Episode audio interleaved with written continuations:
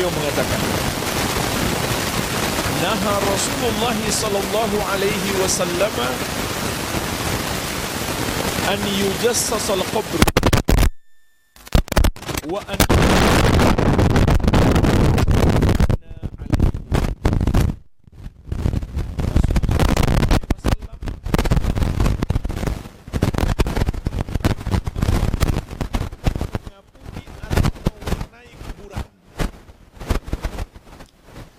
juga melarang duduk di atasnya dan melarang membangun di atasnya. Membangun di atasnya adalah larangan bersifat umum sehingga mencakup apa pun yang dibangun di atasnya. Apakah dari kayu, atau dari batu atau dari kemah dan semisalnya.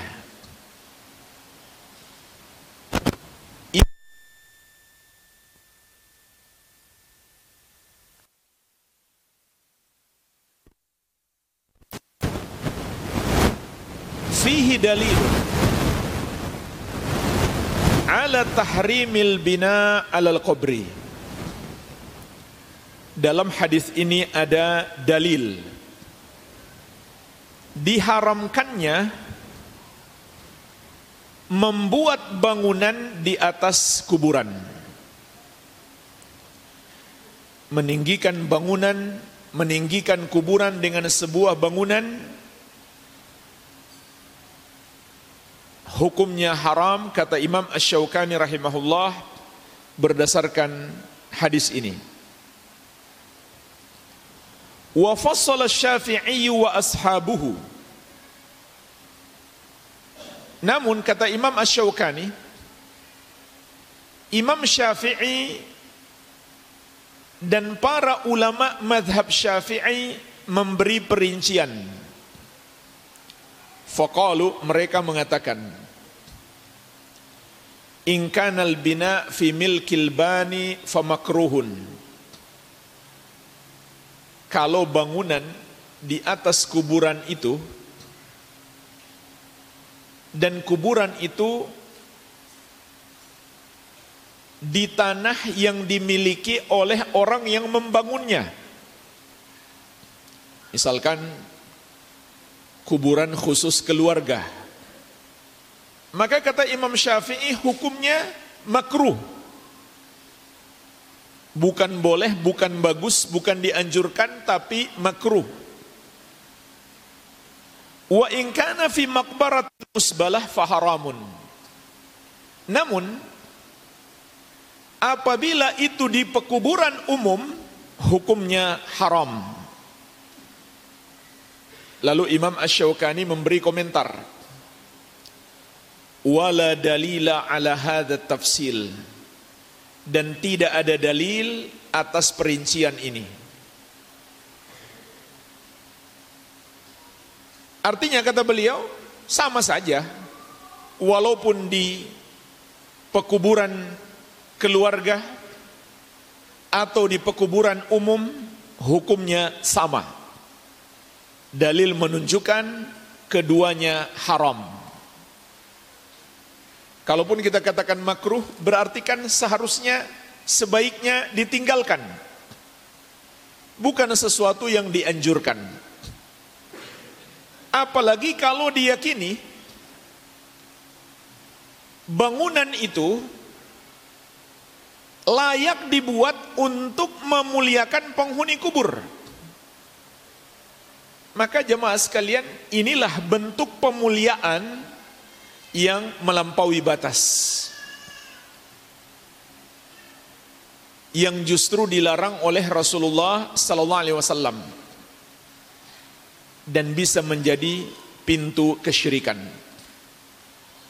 Ada begitu banyak kuburan tapi ada satu kuburan tampil beda. mungkin setan memasukkan dalam hati seseorang berarti ini kuburan spesial. Sepertinya keramat. Karena dia tampil beda sendiri. Mungkin itu wali Allah. Sehingga kuburannya bisa untuk memohon hajat-hajat. Maka terjerumuslah mereka dalam kesyirikan. Atau diyakini bangunan itu bisa memberi manfaat kepada penghuni kubur. Ini juga keyakinan yang batil karena tidak ada dalilnya. Tidak ada dalilnya. Kita mau buat kuburannya bagaimanapun, nggak ada manfaatnya untuk si mayit. Yang bermanfaat itu seperti doa kita, permohonan ampunan untuk dia, bersedekah untuknya. Boleh kita bersedekah dan kita niatkan pahalanya untuk si mayit. Adapun membangun kuburan untuknya, walaupun kelihatannya kuburannya jadi sangat nyaman. Andai ada orang tinggal di dalam, nyaman. Maka itu nggak memberi pengaruh apa-apa terhadap penghuni kubur. Walau dipasang AC sekalipun nggak ada gunanya. Karena alam barzakh tidak sama lagi dengan alam dunia. Jadi hukumnya haram kata Imam Ash-Shawqani berdasarkan hadis ini walaupun ulama Syafi'iyah membedakan tapi pendapat yang lebih kuat tidak ada dalil pembedaan sehingga tidak perlu dibeda-bedakan. Bahkan kata beliau, wa qad qala Syafi'i Imam Syafi'i sendiri pernah mengatakan sebagaimana dalam dalam kitab beliau Al-Um Ra'aitul a'immata bi Makkah ya'muruna bihab ya'muruna bihadmi mayubna. Aku melihat para pemimpin di kota Mekah memerintahkan untuk menghancurkan kuburan-kuburan yang sudah dibangun. Ini di zaman Imam Syafi'i, zaman dahulu. Zaman ketika ilmu agama masih sangat tersebar luas. Maka para pemimpin di masa itu dipuji oleh Imam Syafi'i. Mereka memerintahkan untuk menghancurkan kuburan yang sudah dibangun. Apakah baru saja dibangun? Atau mungkin sisa-sisa dari zaman dahulu.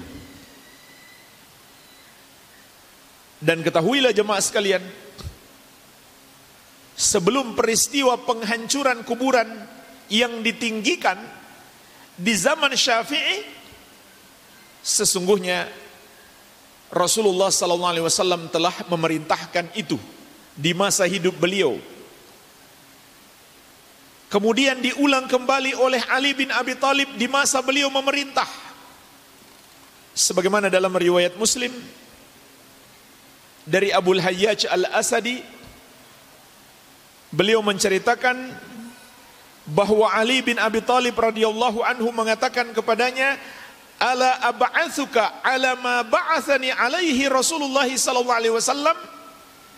Alla tada'a timsalan illa tamastahu wala qabran musyrifan illa sawaitahu. Ketahuilah aku akan mengutus engkau seperti dulu Rasulullah sallallahu alaihi wasallam mengutusku untuk sebuah misi. Misi penghancuran. Kata Nabi sallallahu alaihi wasallam kepadaku, jangan kamu biarkan ada gambar bernyawa. Patung-patung, lukisan-lukisan. Apa pun gambar bernyawa kecuali kamu hancurkan dan jangan kamu biarkan ada kuburan yang ditinggikan kecuali kamu ratakan. Ratakan maksudnya dikembalikan seperti aslinya. Bukan dihancurkan, dimusnahkan, tidak. Tapi dikembalikan kuburan itu seperti aslinya. Adapun merusak gambar bernyawa, itu juga tidak harus dihancurkan semuanya. Cukup dihilangkan bagian kepala, itu sudah bukan gambar bernyawa. Sebagaimana itu perintah malaikat Jibril saat datang ke satu rumah, di dalamnya ada gambar bernyawa, malaikat Jibril tidak mau masuk rumah, walaupun di dalam rumah itu ada Rasulullah SAW, karena ada gambar bernyawa maka beliau memerintahkan Nabi wasallam untuk mencopot bagian kepalanya saja. Dan Nabi sallallahu alaihi wasallam mengatakan as-suratul ra'su. Hakikat gambar makhluk bernyawa adalah kepalanya. Kalau kepalanya sudah dihilangkan, dia sudah tidak dihukumi sebagai gambar makhluk bernyawa. Adapun penghancuran kuburan yang ditinggikan maknanya juga bukan dimusnahkan tapi dikembalikan seperti aslinya. Imam An-Nawawi Asy-Syafi'i Imam besar ahli hadis, ahli fikih dalam madhab Syafi'i. Yang paling diakui keilmuannya tentang madhab Syafi'i. Dalam kitab beliau Syarah Muslim mengatakan Anna sunnata Anna al-qabra La yurfa alal ardi raf'an kathira.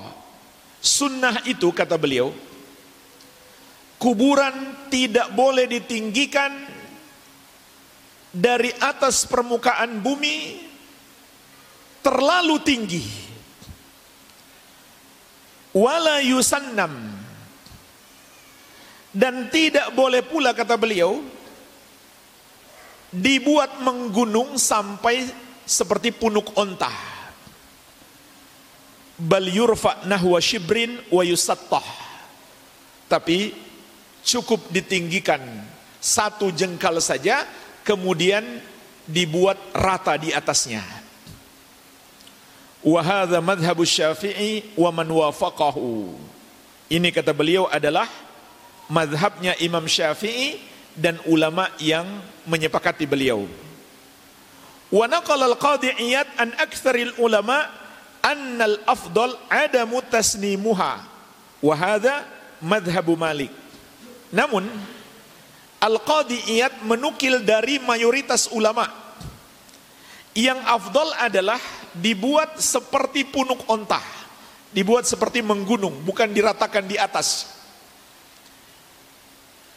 Dan ini adalah madhabnya Imam Malik. Jadi ulama beda pendapat apakah dibuat menggunung seperti punuk ontah atau diratakan. Tapi semuanya sepakat jangan terlalu tinggi. Kurang lebih satu jengkal saja. Tanpa menambah bangunan lain di atasnya. Itu pendapat para ulama madhab termasuk madhab syafi'i. Bentuk gulu yang ketiga terhadap kuburan adalah menulis di atasnya. Sebagaimana dalam riwayat Tirmidzi dari sahabat Jabir radhiyallahu anhu beliau mengatakan Nah Rasulullah sallallahu alaihi wasallam an tujassasal qubur wa an yuktaba 'alaiha wa an yubna ba wa an yubna 'alaiha wa an tuta. Rasulullah sallallahu alaihi wasallam melarang untuk mengapuri, menyemen atau mewarnai kuburan. Ini yang kita sebutkan nomor satu tadi. Juga melarang untuk menulis di atasnya. Dan melarang membangun di atasnya serta melarang untuk menginjaknya. Jadi jemaah sekalian, sampai di sini dari dua hadis riwayat Muslim dan Tirmidzi keduanya dari Jabir maka kita dapatkan lima larangan. Lima larangan.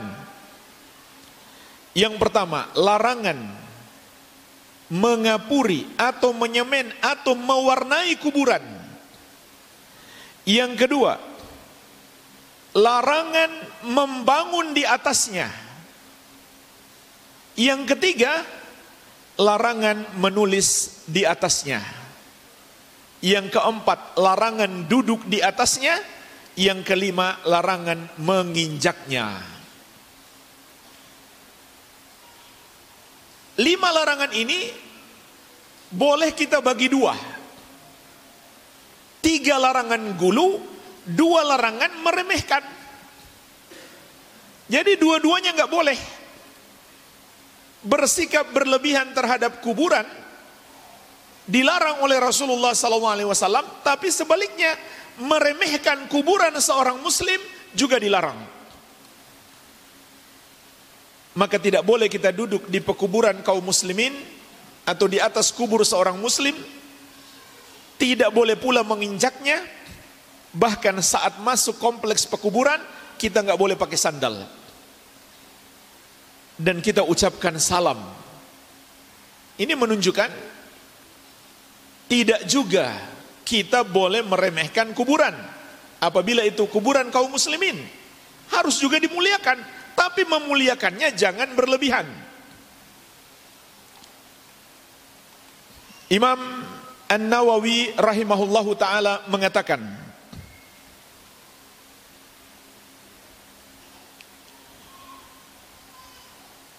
yukrahu an yujassasal qabr wa an yuktaba alaihi ismu sahibihi au ghairu dhalik wa an yubna alaihi tidak disukai menyemen kuburan dan menulis di atasnya nama pemilik kuburan itu. Atau menulis apa saja dan membangun di atasnya. Wahada la khilafa fihi indana wa bihi qala Malik wa Ahmad wa Dawud wa jamahirul ulama. Dan ini tidak ada perselisihan di antara kami. Kami di sini maksudnya madhab Syafi'i. Juga ini pendapat Imam Malik, Ahmad dan Dawud dari madhab Zahiri wa jamahirul ulama dan pendapat mayoritas ulama. Jadi tidak boleh menulis di atas kuburan. Tidak menulis namanya, tidak pula yang lainnya. Dan gak ada gunanya. Untuk si mayit, gak ada gunanya. Walaupun kita tulis di situ semua jasa-jasanya, semua kebaikannya, gak ada gunanya tidak bermanfaat bagi si mayit. Yang keempat, termasuk gulu terhadap kuburan yang dilarang oleh syariat adalah membuat penerangan atau memasang lampu di kuburan. Ini dilarang oleh syariat berdasarkan hadis yang diriwayatkan oleh Imam Ahmad, At-Tirmidzi, An-Nasa'i dan yang lainnya. Dari Ibnu Abbas radhiyallahu anhuma. Beliau menjelaskan la'ana Rasulullah sallallahu alaihi wasallam zairatil kubur wal muttakhidina 'alaiha al masajid wasuruj. Rasulullah sallallahu alaihi wasallam melaknat para wanita yang berziarah kubur. Dalam riwayat yang lain, zawaratil kubur, para wanita yang sering berziarah kubur. Maka tidak boleh bagi wanita sering-sering berziarah kubur. Juga Nabi wasallam melarang juga Nabi wasallam melaknat orang-orang yang menjadikan di atas kuburan itu tempat-tempat ibadah dan orang-orang yang menjadikan atau membuat di atas kuburan itu lampu-lampu yang menerangi. Jemaah sekalian, hadis ini memang ada perbedaan pendapat ulama. Sebagian ulama mensohikannya dan sebagian ulama memandang hadis ini lemah. Tapi sebagian ulama menukil adanya ijma kesepakatan ulama atas tidak bolehnya membuat penerangan di kuburan. Sebagaimana dinukilkan oleh Syekhul Islam Ahmad bin Abdul Halim Al-Harrani rahimahullah, beliau mengatakan, Bina'ul masjid wa israjul masabih alal kubur mimma lam a'lam fihi khilafan annahu maksiatun lillahi wa rasuli membangun tempat ibadah dan menerangi kuburan atau membuat lampu-lampu di kuburan termasuk yang aku tidak ketahui ada khilaf di kalangan ulama bahwa itu adalah maksiat kepada Allah dan Rasulnya. Jadi kata beliau saya nggak tahu ada perbedaan pendapat di situ. Artinya beliau menukilkan kepada kita ulama sepakat dan kesepakatan ulama atau ijma ulama termasuk hujjah termasuk dalil dalam syariat. Dan juga jemaah sekalian, perbuatan itu menyerupai orang-orang musyrik yang mengagungkan kuburan dengan lampu-lampu. Dan minimalnya itu adalah penyanyian harta. Apa gunanya coba? kuburan dipasangi lampu. Apakah para mayit itu membutuhkan lampu? Tidak kan? Enggak bermanfaat bagi mereka. Kecuali kalau kita ada keperluan mau mengubur di malam hari. Maka sebatas itu saja boleh. Dan tidak masalah menguburkan di malam hari. Jadi ini yang keempat termasuk gulu berlebih-lebihan menerangi kuburan dan tidak ada manfaatnya bagi mayit. Kemudian yang kelima, keenam dan ketujuh terdapat dalam hadis-hadis yang sama. Dan inilah bentuk gulu yang paling berbahaya terhadap kuburan terutama kuburan orang saleh yaitu menjadikan kuburan tersebut sebagai tempat ibadah membangun tempat ibadah padanya membangun masjid misalkan dan mengubur di masjid ini tiga semuanya terlarang yang kelima, keenam dan ketujuh yang kelima beribadah di kuburan yang keenam, membangun, membuat tempat ibadah seperti bangunan masjid di kuburan. Yang ketiga, mengubur di masjid. Masjidnya sudah ada duluan, lalu mereka jadikan masjid itu sebagai kuburan seseorang. Maka semuanya terlarang dengan larangan yang sangat keras dalam syariat. Di antaranya dalam hadis yang diriwayatkan Al-Bukhari dan Muslim dari Ummul Mukminin Aisyah radhiyallahu anha beliau mengatakan qala Rasulullah sallallahu alaihi wasallam fi maradihi alladhi lam yakum minhu. Rasulullah sallallahu alaihi wasallam bersabda saat beliau sedang sakit menjelang wafat. Artinya jemaah sekalian, dalam keadaan sakit parah menjelang wafat, Nabi SAW akan menyampaikan pesan-pesan yang paling penting. Maka di antara yang beliau ingatkan adalah La'anallahu liyahuda wan nasara ittakhadhu kubura anbiya'ihim masajidah. Allah melaknat Yahudi dan Nasrani yang menjadikan kuburan para nabi mereka sebagai tempat ibadah. Maksudnya Nabi sallallahu alaihi wasallam mengingatkan kita jangan berbuat seperti yang dilakukan Yahudi dan Nasrani. Jadi ini juga tasyabbuh. Penyerupaan terhadap orang kafir.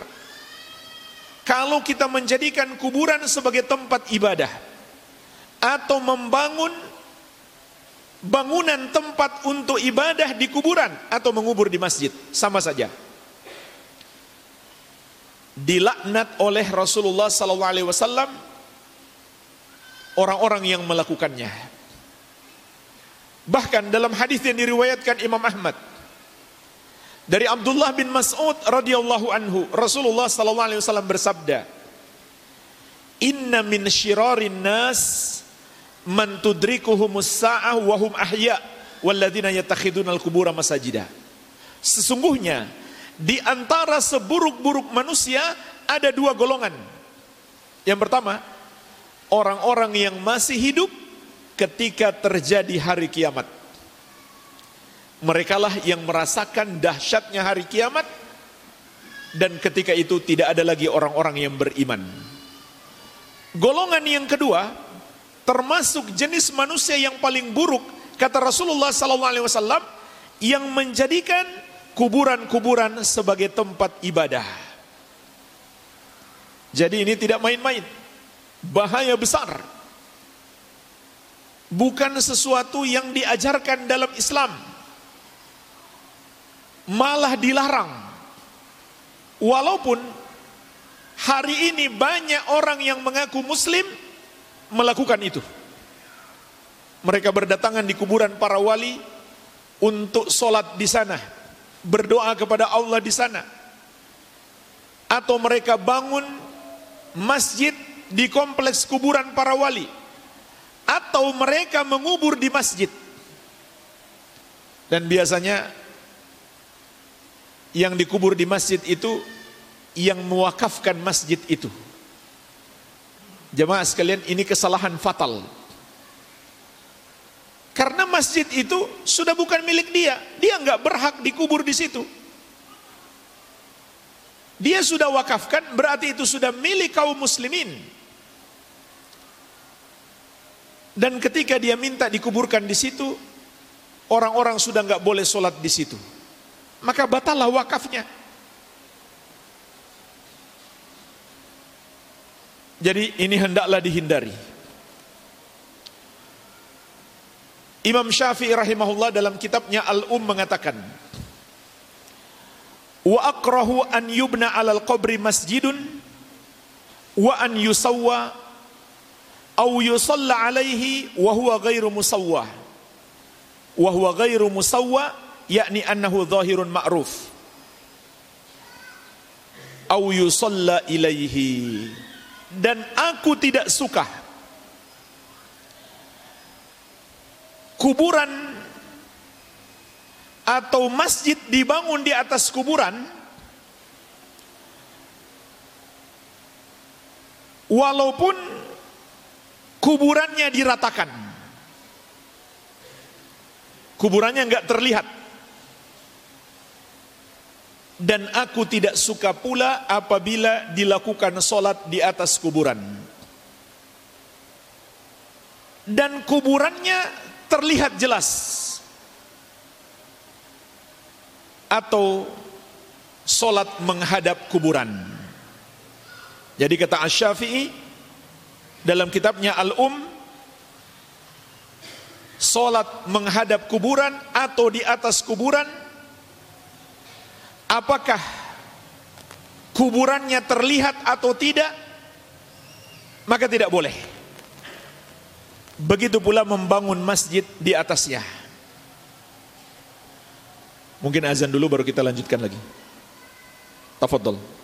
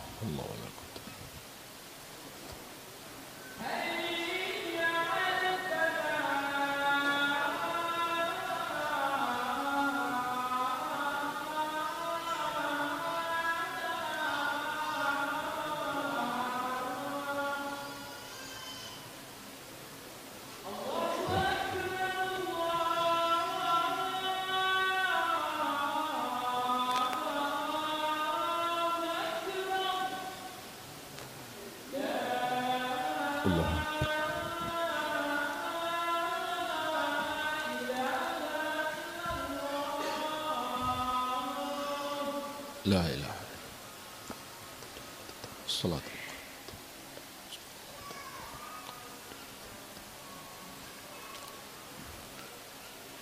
Kita lanjutkan penjelasan Imam Ash-Shafi'i rahimahullah dalam kitab beliau Al-Um. Jadi beliau telah menyebutkan terlarangnya membangun masjid di atas kuburan atau solat di atasnya atau solat menghadapnya. Namun beliau mengatakan wa in salla ilaihi ajza'ahu wa qad asa'ah. Kalau seseorang solat menghadapnya maka solatnya sah namun dia telah berbuat buruk dalam solatnya itu.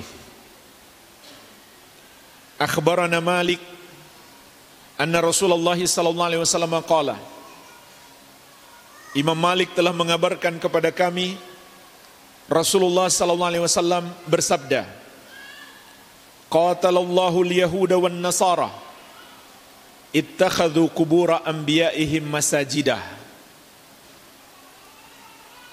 Allah semoga Allah memerangi orang-orang Yahudi dan Nasrani yang menjadikan kuburan para nabi kuburan para nabi mereka sebagai tempat ibadah.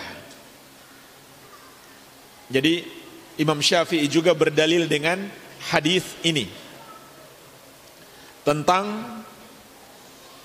dilaknatnya orang-orang Yahudi dan Nasrani karena menjadikan kuburan para nabi mereka sebagai tempat ibadah. Artinya, larangan ini berlaku bagi kita untuk semua bentuk kuburan. Untuk semua kuburan.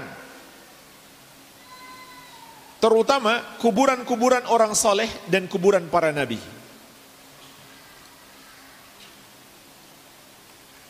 Qala lalu kata Imam Syafi'i rahimahullah wa akrahu hadha lis-sunnati wal athar dan aku tidak menyukai perbuatan ini berdasarkan sunnah, berdasarkan hadis dan athar-athar. Artinya berdasarkan dalil. Wa annahu kariha wallahu taala a'lam dan bahwasannya Nabi Muhammad sallallahu alaihi wasallam tidak menyukai an yu'azzimahu ahadun minal muslimin. Seorang muslim berlebih-lebihan dalam mengagungkan beliau yakni yattakhidhu qabrahu masjida yaitu dengan cara menjadikan kuburan beliau sebagai tempat ibadah. Kemudian Imam Syafi'i menjelaskan apa sebabnya. Walam tu'man fi dzalikal fitnah wad dalal ala ma ya'ti ba'dahu. Dan perbuatan itu dapat menyebabkan munculnya fitnah dan kesesatan. Fitnah itu artinya perangkap untuk masuk dalam kesesatan terhadap orang-orang yang masih hidup sepeninggal beliau sallallahu alaihi wasallam. Jadi ini kesimpulan Imam Syafi'i. Kenapa Nabi sallallahu alaihi wasallam melarang umat Islam menjadikan kuburan sebagai tempat ibadah termasuk kuburan beliau. Karena itu bisa menjerumuskan pada kesesatan. Pada fitnah dan puncak fitnah adalah syirik. Sebagaimana kata Imam Ahmad rahimahullah, al fitnatu asyirku. Fitnah itu adalah syirik. Memang ada sebagian ulama berpendapat karena di kuburan itu mungkin ada najis, atau pendapat-pendapat yang lain. Tapi yang benar dilarang kita beribadah di kuburan agar tidak menjadi pintu kesyirikan. Ini yang dipahami oleh Imam Ash-Syafi'i. Dan perlu di, saya ingatkan jemaah sekalian, walaupun di sini disebutkan Imam Syafi'i membenci, secara bahasa Arabnya adalah kariha. Beliau menganggap itu makruh. Tapi makruh ya di sini yang dimaksudkan oleh beliau adalah haram. Dan itu bisa dibuktikan dengan hadis yang beliau sebutkan. Dalam hadis dikatakan, semoga Allah memerangi Yahudi dan Nasrani yang menjadikan kuburan para nabi mereka sebagai tempat ibadah. Enggak mungkin diperangi kalau hukumnya sekedar makruh. Dan ketahuilah ulama dahulu kalau mengatakan makruh yang mereka maksudkan umumnya adalah haram.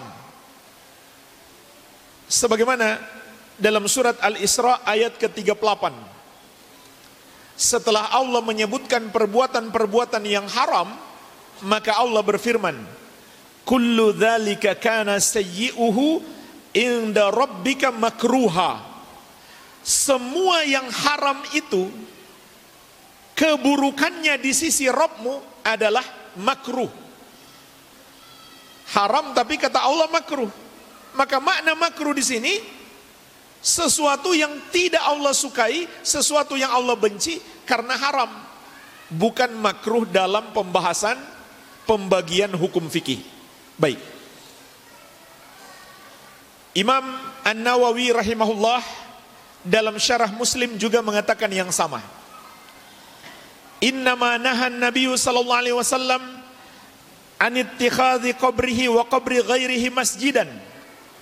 Khaufan minal mubalaghati khaufan minal mubalaghati fi ta'zimihi wal iftinan bihi.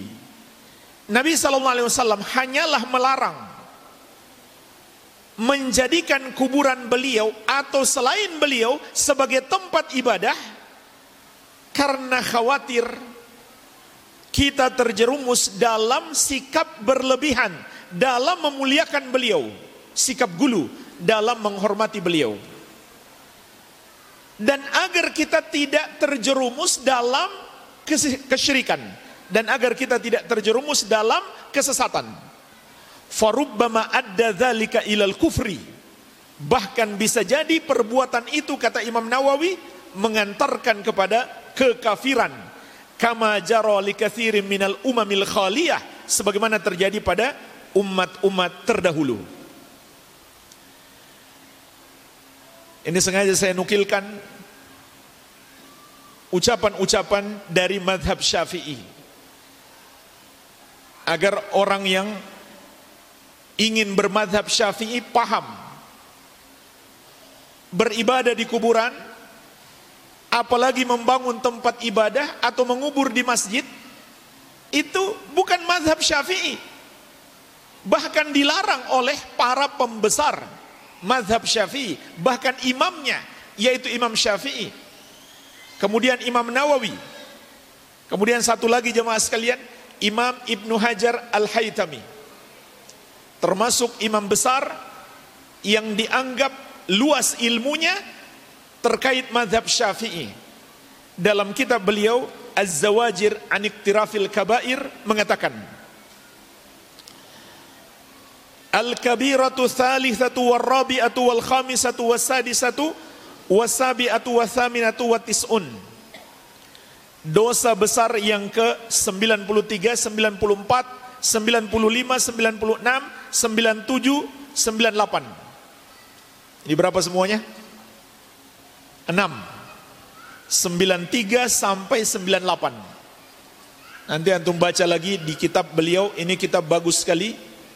Khusus berbicara tentang dosa-dosa besar. Az-Zawajir Aniktirafil Kabair. Kurang lebih ada 400 dosa besar. Termasuk bermain musik, menyanyi Beliau sebutkan juga di situ. Maka di antara yang beliau sebutkan sebagai dosa-dosa besar Ada enam terkait dengan kuburan mulai poin 93 sampai 98. Ada enam. Yang pertama, ittikhadul ittikhadul kubur masajid. Menjadikan kuburan sebagai tempat ibadah. Wa iqadu suruj alaiha. Yang kedua, menyalakan lampu-lampu padanya. Wattikhaduha ausanan. Yang ketiga, menjadikannya sebagai sesembahan. Wat tawaf biha yang keempat bertawaf mengelilinginya. Wastilamuha yang kelima mengusap-usapnya. Maksudnya untuk cari berkah. Wassalatu ilaiha yang keenam termasuk dosa besar kata beliau solat menghadapnya. Maksudnya solat di sini untuk menyembah Allah bukan menyembah penghuni kubur itu. Kalau menyembah penghuni kubur sudah jelas terlarang. Sekarang yang dibicarakan dia sholat untuk menyembah Allah, tapi dilakukan di kuburan. Itu yang dilarang keras. Karena itu adalah pintu syirik. Sedangkan kalau dia sholat untuk menyembah penghuni kubur, itu bukan lagi pintu syirik. Itulah kesyirikan. Menyembah kepada selain Allah. Kemudian yang kedelapan, termasuk gulu terhadap kuburan adalah melakukan perjalanan jauh untuk menziarahinya. Ziarah kubur itu sunnah. Tapi kalau sampai melakukan perjalanan jauh, perjalanan safar, untuk berziarah kubur, maka itu terlarang. Bahkan ini juga berlaku bagi kubur Nabi Muhammad SAW. Tidak ada dalil Nabi SAW tidak ada hadis sahih beliau menyuruh kita untuk melakukan perjalanan jauh hanya demi menziarahi kubur beliau. Oleh karena itu Asy-Syaikh Ibnu Baz rahimahullahu taala mengatakan, "La yajuzu safar bi qasdi ziyarati qabrin Nabi sallallahu alaihi wasallam atau qabri ghairihi minan nas fi as-sahih qaulai al-ulama." Tidak boleh melakukan safar perjalanan jauh untuk berziarah ke kubur Nabi sallallahu alaihi wasallam atau kubur manusia selain beliau. Menurut pendapat yang paling kuat dari dua pendapat ulama. Liqaulin Nabi sallallahu alaihi wasallam karena adanya larangan dalam hadis Nabi sallallahu alaihi wasallam yang diriwayatkan oleh Al-Bukhari dan Muslim. La tushaddur rihal illa ila thalathati masajid. Al-Masjidil Haram wa Masjidi Hadha wa Masjidil Aqsa. Tidak boleh melakukan perjalanan jauh maksudnya perjalanan jauh karena kemuliaan satu tempat atau untuk melakukan ibadah khusus di tempat itu kecuali ketiga masjid. Masjidil Haram, Masjid Nabawi dan Masjidil Aqsa. Kalau begitu melakukan perjalanan jauh untuk berziarah kubur itu terlarang. Apalagi kalau disertai dengan keyakinan-keyakinan yang tidak berdasarkan dalil. Misalkan keyakinan karena itu adalah kuburan orang soleh, kuburan wali. Kalau kita minta hajat kepada Allah di sana, itu lebih mustajab. Maka keyakinan ini tidak ada dalilnya. Tidak ada dalilnya kalau berdoa kepada Allah di kuburan para wali itu lebih mustajab. Dan apabila mereka datang untuk berdoa kepada para wali tersebut maka itulah syirik. Karena doa itu ibadah. Sama saja mereka berdoa kepada para wali agar doanya diteruskan kepada Allah atau agar para wali tersebut yang mengabulkan doanya. Dua-duanya syirik. Dan kesyirikannya bukan hanya satu macam. Bisa menjadi tiga bentuk yang pertama syirik dalam ibadah. Yaitu berdoa kepada selain Allah. Rasulullah sallallahu alaihi wasallam menegaskan ad-du'a'u huwal ibadah. Doa itu adalah ibadah. Kalau begitu orang yang berdoa kepada selain Allah telah beribadah kepada selainnya, maka itulah syirik. Yang kedua, syirik dalam sifat Allah. Yaitu menyamakan penghuni kubur itu dengan Allah yang maha mendengar. Dia bermohon kepada penghuni kubur itu seakan-akan penghuni kubur itu maha mendengar. Seperti Allah Azza wa Jalla. Yang ketiga, kalau dia yakini penghuni kubur itu maha mampu mengabulkan doanya, maka kesyirikannya lebih parah lagi. Sebab hanya Allah Azza wa Jalla yang maha mampu mendengarkan dan mengabulkan doa-doa kita. Jadi bukan hanya satu bentuk kesyirikan di situ. Kemudian yang kesembilan termasuk gulu berlebih-lebihan kepada kuburan adalah menjadikannya tempat haul atau tempat perayaan tahunan atau berapa tahun sekali atau bahkan bulanan dan seterusnya. Ini dilarang. Di antaranya disebutkan dalam hadis yang diriwayatkan Abu Daud dari sahabat yang mulia Abu Hurairah radhiyallahu anhu. Rasulullah sallallahu alaihi wasallam bersabda la taj'alu buyutakum la taj'alu buyutakum kubura jangan kamu jadikan rumah-rumahmu seperti kuburan. Wala taj'alu qabri aidan dan jangan kamu jadikan kuburanku sebagai tempat perayaan. Wasallu alayya fa inna salatakum tabluguni haitsu kuntum dan bersalawatlah kepadaku karena sesungguhnya salawatmu sampai kepadaku di mana pun kamu berada. Artinya, kalau cuma sekedar mau bersalawat, nggak harus datang ke kuburan Nabi Muhammad sallallahu alaihi wasallam. Di mana pun kita, salawat kita sampai.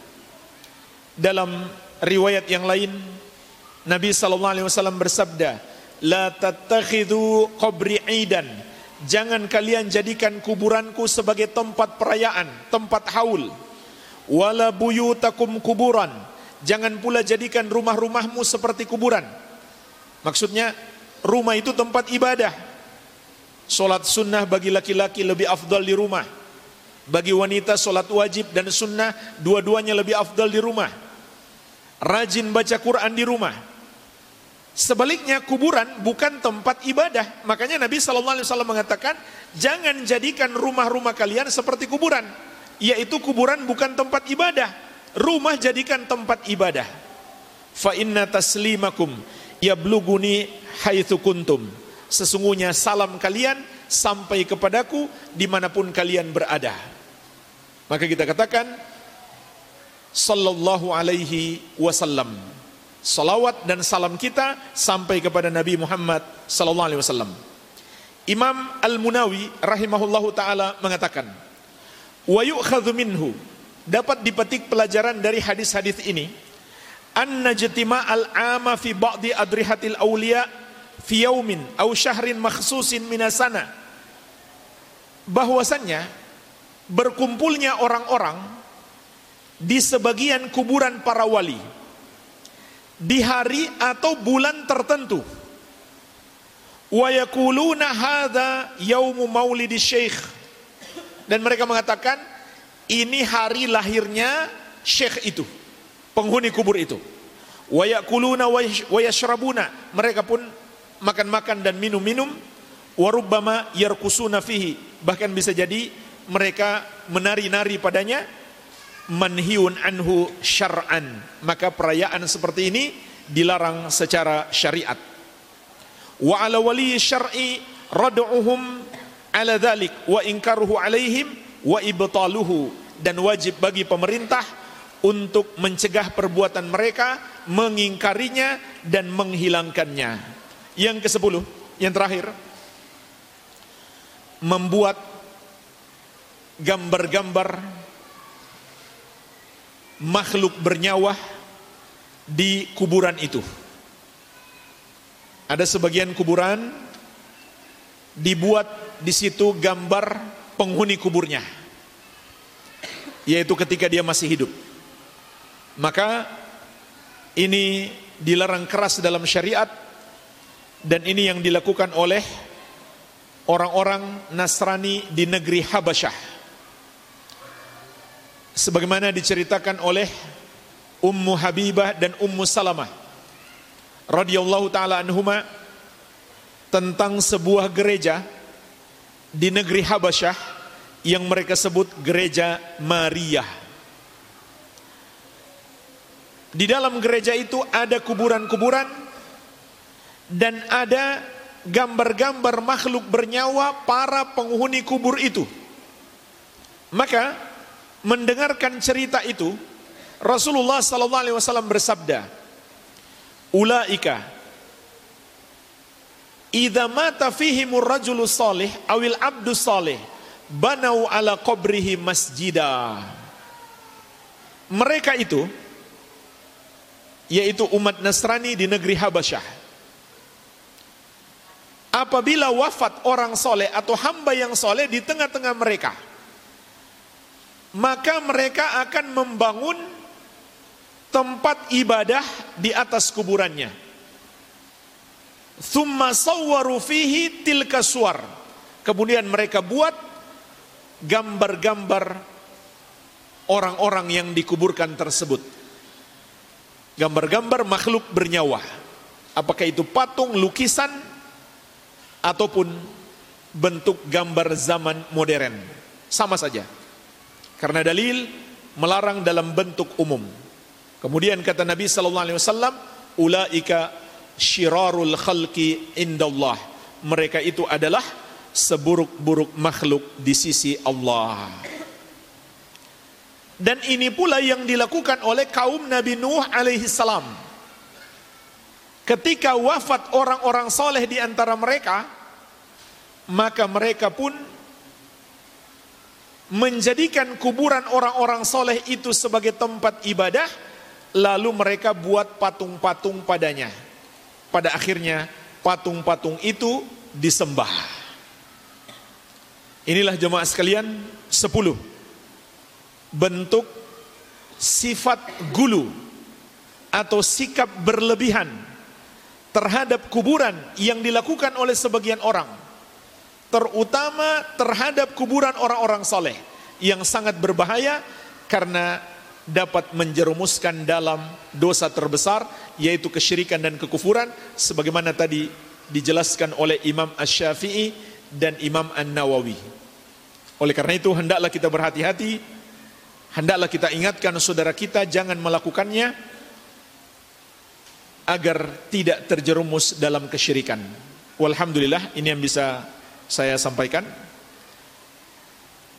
Mungkin kita cukupkan saja karena waktu sudah habis. Lebih dan kurangnya saya mohon maaf. Wabillahi taufik, subhanakallahumma wa bihamdik, asyhadu an la ilaha illa anta astaghfiruka wa atubu ilaik. Wa sallallahu ala nabiyyina Muhammadin wa alihi wasallam. Walhamdulillahi rabbil alamin. Wassalamualaikum warahmatullahi wabarakatuh.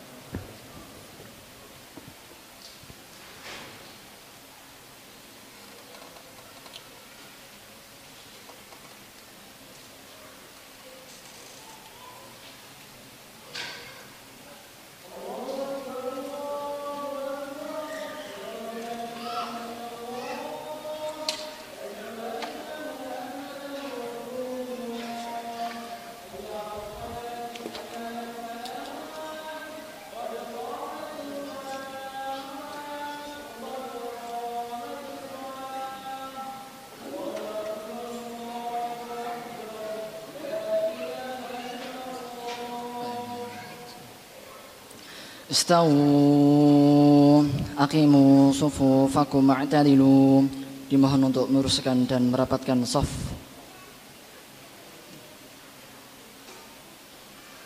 Untuk saf yang belakang masih kosong dimohon untuk diisi terlebih dahulu. Allahu Akbar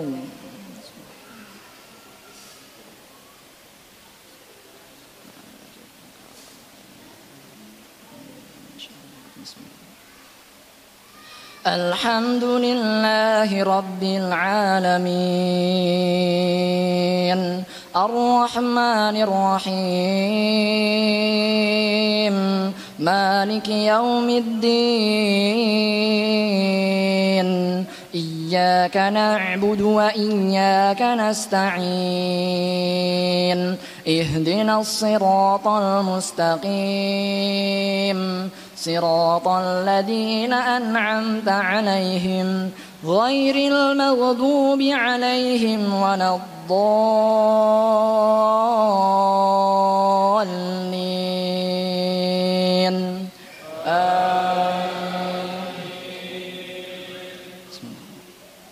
الحمد لله الذي خلق السماوات والأرض وجعل الظلمات والنور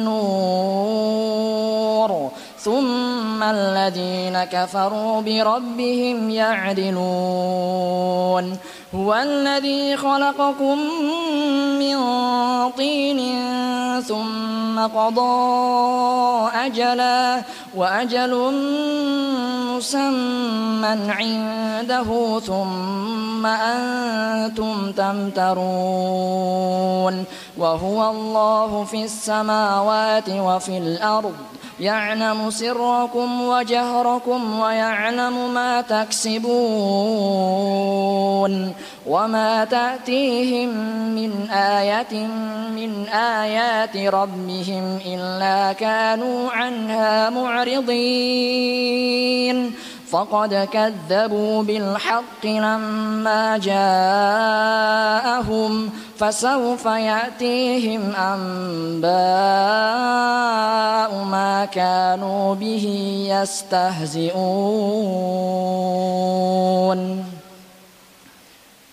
الله أكبر.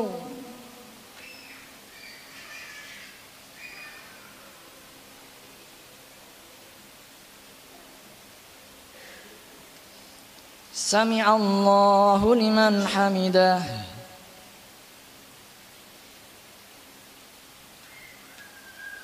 الله أكبر.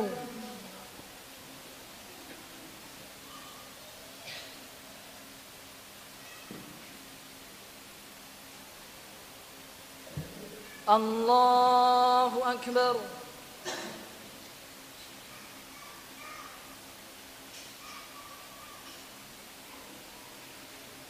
الله أكبر.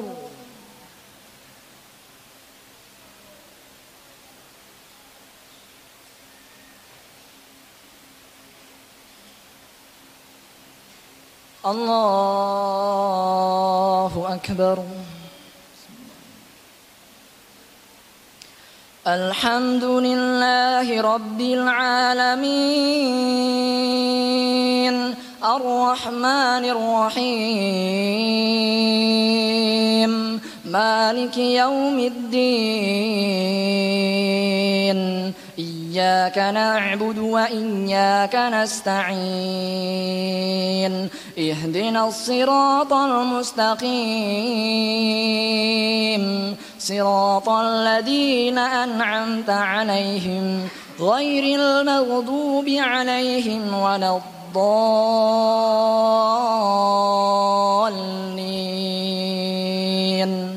آمين ألم يروا كم أهلكنا من قبلهم من قرن مكناهم في الأرض ما لم نمكن لكم وأرسلنا السماء وأرسلنا السماء عليهم مدرارا وجعلنا الأنهار تجري من تحتهم فأهلكناهم بذنوبهم فأهلكناهم بذنوبهم وأغرقنا الآخرين. ولو نزلنا عليك كتابا في قرطاس فلمسوه بأيديهم لقال الذين كفروا لقال الذين كفروا إن هذا إلا سحر مبين.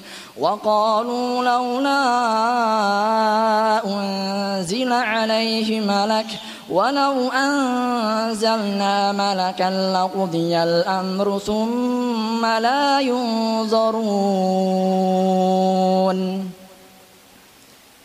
الله أكبر.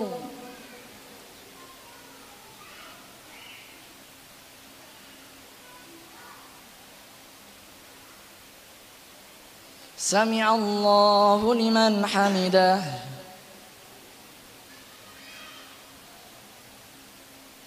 الله أكبر.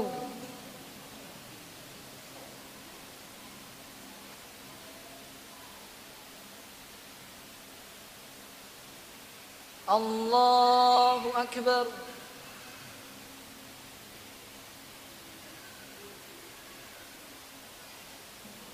الله أكبر.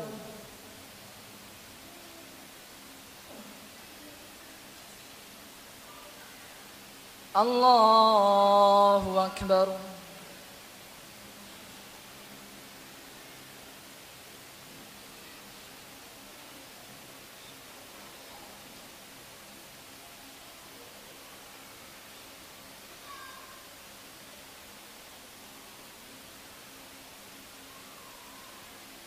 الله أكبر.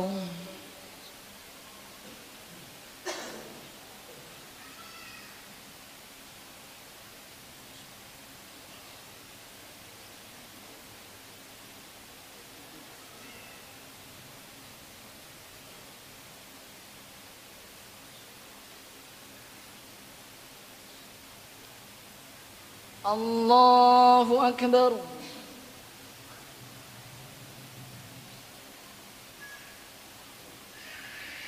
سمع الله لمن حمده.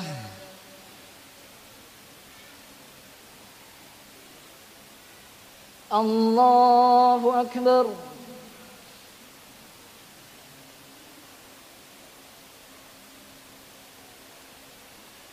الله أكبر.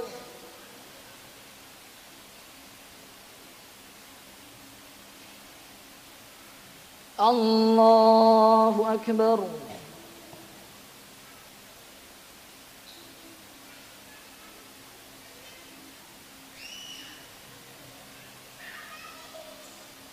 الله أكبر.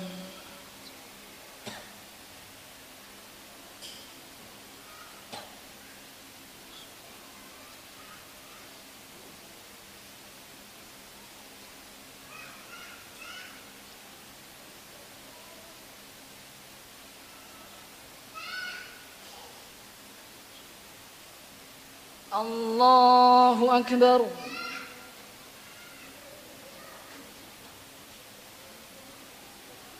سمع الله لمن حمده.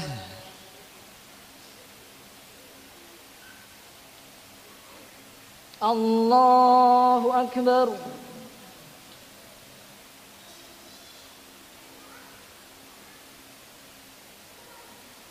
الله أكبر.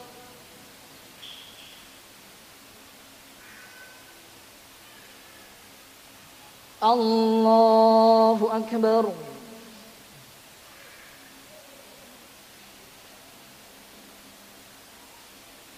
الله أكبر.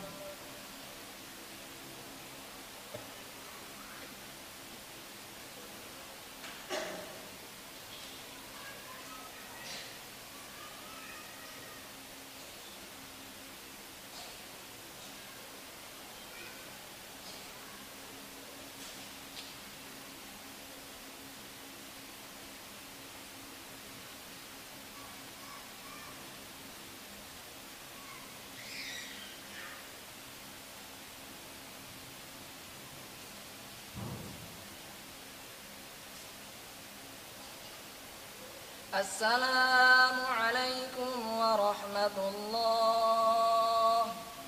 السلام عليكم